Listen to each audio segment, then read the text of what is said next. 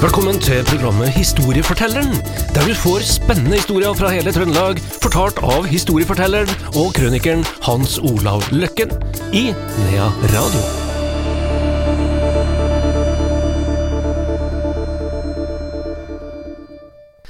Her i Nea Radio er vi klar for et nytt program i serien Historiefortelleren, og vi har med oss Hans Olav Løkken i studio. Velkommen, Hans Olav. Jo, takk.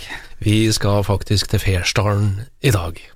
Hvor er Fersdalen, forresten? Ja, Fersdalen det er faktisk tall en uh, ganske så kjent uh, liten stubb som går da mellom uh, Meråker og den går nesten til Inndalen, altså den eh, dalføret som går da fra Sandvika i Sverige der oppe og så ned til Stiklestad, for å liksom ja, Ikke akkurat Stiklestad, men ned mot Verdalen. Jeg har gått der på ski en gang, det er fantastisk fint der. og, du, og, og, hvis du går gjennom Færsdalen, så er det ikke langt for å komme over til Inndalen. Altså, det går ikke noen vei igjennom, så du kommer ikke med bil, men det er bare en kort uh, distanse, og du går jo forbi Grova, da, der uh, skisenteret og hele greia. Vi har snakka om sånne daler som ligger liksom ja. der veien stopper tidligere òg. Det, ja. det, er noen som uh, har gjort det bra der. Nå har jeg Kjøpte du opp i Markabygda, eller? Ja, ja, ja, ja. Og den, den her Færsdalen, vet du, den, den, den, har litt av hvert. Og det er veldig mye drukningsulykker der oppe. Noen av dem skal vi komme tilbake til seinere, men eh, så er det litt spesielt med denne Færsdalen. Og det er at eh, det er hele fem personer som lever i dag og som har vært ordførere, og som stammer fra Færsdalen. Og historia vi skal ta i dag, den heter nemlig Under en granlegg i Færsdalen. Det er en spesiell granlegg der oppe som vi skal komme tilbake til. Og de her fem ordførerne, det er da Asbjørn Nøstmo Nøsmo, da. Bård han var jo ordfører i Malvik i mange år. Så den eh, Bård Langsåvold, da, som har vært ordfører i Meråker. Alf Daniel Moen, som har vært ordfører i flere perioder på Stjørdal. Og så er det jo uh, Slundgård, da. Anne Katrine. Anne, hun er jo da uh, rådmann i dag i uh, Stjørdal, men var jo da ordfører i Trondheim by. Og så er det han Svarva, da, vet du, som jeg har truffet. Han, jeg visste ikke at han var fra Færsdalen, men han har en eller annen tilknytning, og det må jeg da prøve å finne ut, da. Det er Robert. Ja, Robert, ja. Så det er, og det er litt eh, interessant at en bitte liten sånn Ja, det er jo en, en, utkant av verden, ikke sant, der oppe, og, og den skal altså produsere, ja, jeg sier nå bent ut, ganske bra gener, da. Det må ha noe med vann å gjøre? Det er helt sikkert. Det er helt sikkert Rent vann og godt vann. Mm. Og de her genene, de forefinnes under en granlegg i Færsdalen. Og det begynner da i 1899. Da går det en forfina herremann oppover fra Meråker. Han gikk da med stiv snipp og sånn, og kjerringa har vært med, så godt i siskjørt, blonda bluse og paraply. Men han gikk sånn midt i solskinnet midt i, i, i, på sommeren. Han gikk oppover for å kanskje være litt for seg sjøl, tenke gjennom sitt liv, og så ser han den herre granleggen, den herre granleggen som sier Kom og sett det her.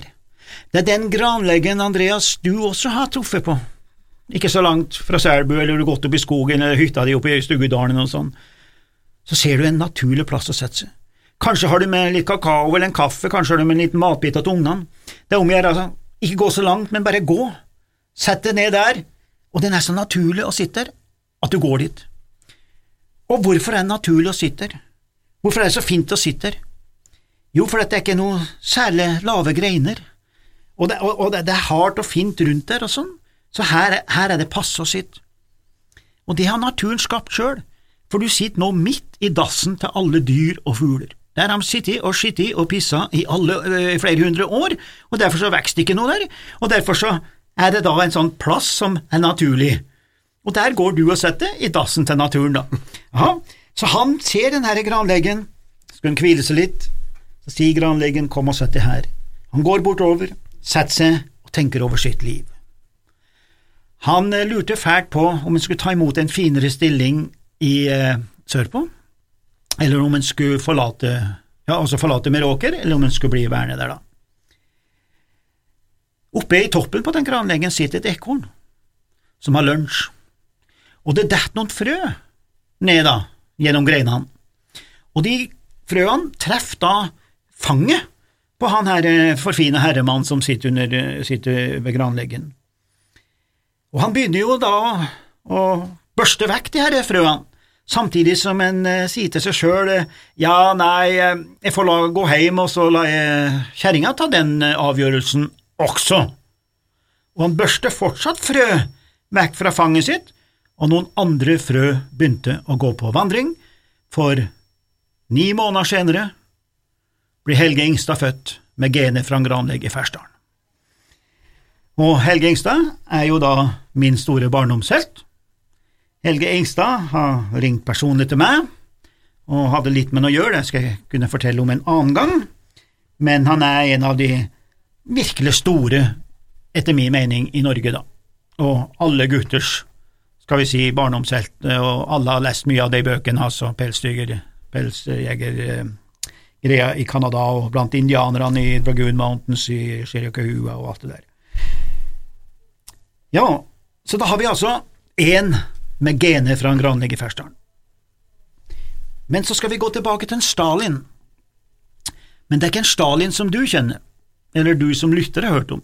Dette er en Stalin, altså han er svensk, og han er født da i 1753 og kommer til Trondheim og slår seg opp som byggherre, entreprenør i Trondheim by, og havner da innover i Meråker.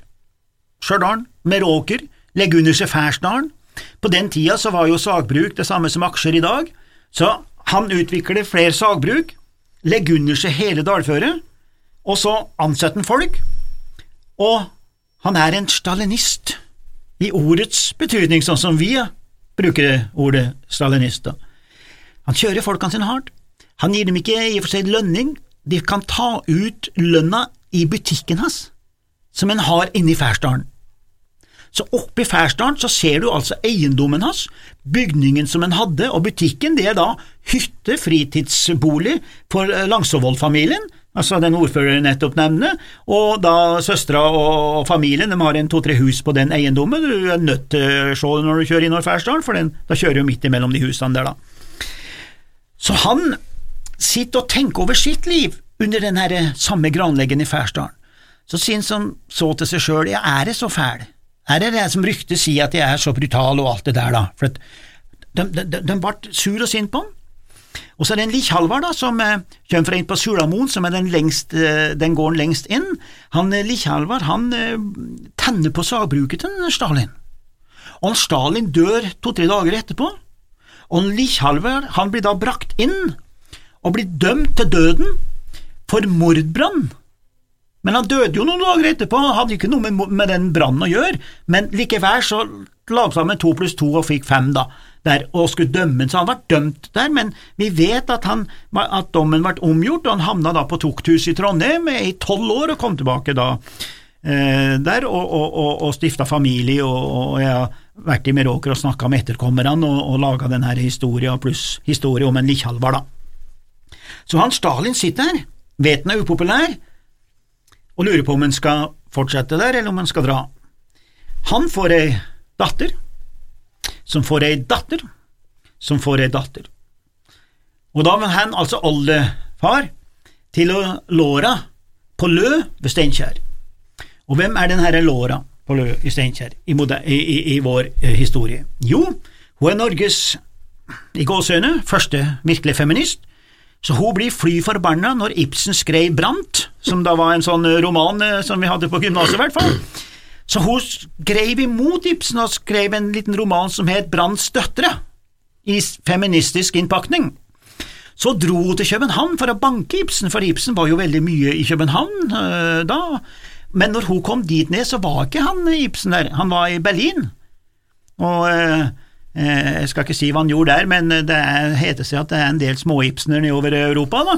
Så, eh, men hun måtte jo vente på han skulle komme eh, tilbake, og hun gikk jo løs på Ibsen, men de ble på mange måter venner. Så gifta hun seg med en som heter Kieler. Han Kieler der, han blir sjuk, de får to barn. Eh, på grunn av sykdommen så sier legene at han måtte Alpene, for dette, til høyere du kommer, nærmere Gud du kommer, til friskere blir du, og det trodde de på. Og de lånte seg noen penger, det var noen eh, veksler, og hun forfalska vel noen veksler, eh, ble sak, eh, de trua med å ta fram ungene, og så videre og så videre, for de som kan sin, nei, sin litteraturhistorie, skjønner nå hvor de skal hen, Da tar Ibsen, lager et eget skuespill basert på hun herre Laura fra Lø, og skriver da verdens mest kjente teaterstykke og spilte, som heter da selvfølgelig Nora. Dukkehjem. Nora. Så Nora i et dukkehjem stammer fra noen gener under en granlegg i Fersdalen. Men så hadde han en kompanjong, han herre Stalin. Denne kompanjongen begynner nå å bli pressa ut i dette forholdet med sagbrukene. Han sitter også under den samme granleggen og tenker over sitt liv, og så sier han til seg sjøl, skal jeg la meg presse ut av Stalin og ta imot en finere stilling i Trondheim by som en kunne ha fått, eller skal jeg kjempe for mine sagbruk og bli her oppe?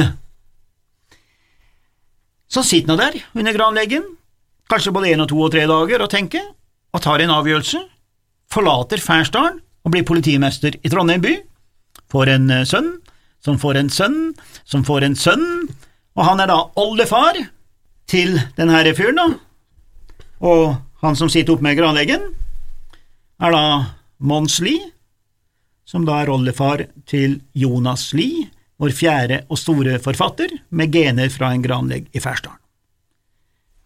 Men vi har en til, for i 1658 så er det altså lik hele Trøndelag med brukken rygg. Totalt med brukken rygg.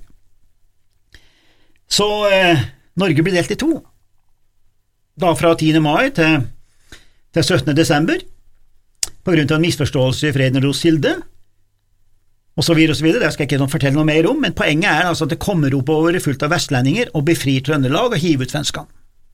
Kom oppover 4000 stykker fra ulike regimenter på Vestlandet og hivde ut svenskene, men noen av regimentene ble liggende igjen som grensevakter da, fra Røros og opp til Lierne, ble liggende der i tilfelle svenskene skulle gjøre en 180 graders tørn og komme tilbake.